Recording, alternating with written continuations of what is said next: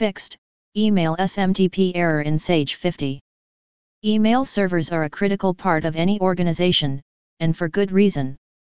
They allow employees to communicate with one another and share files securely.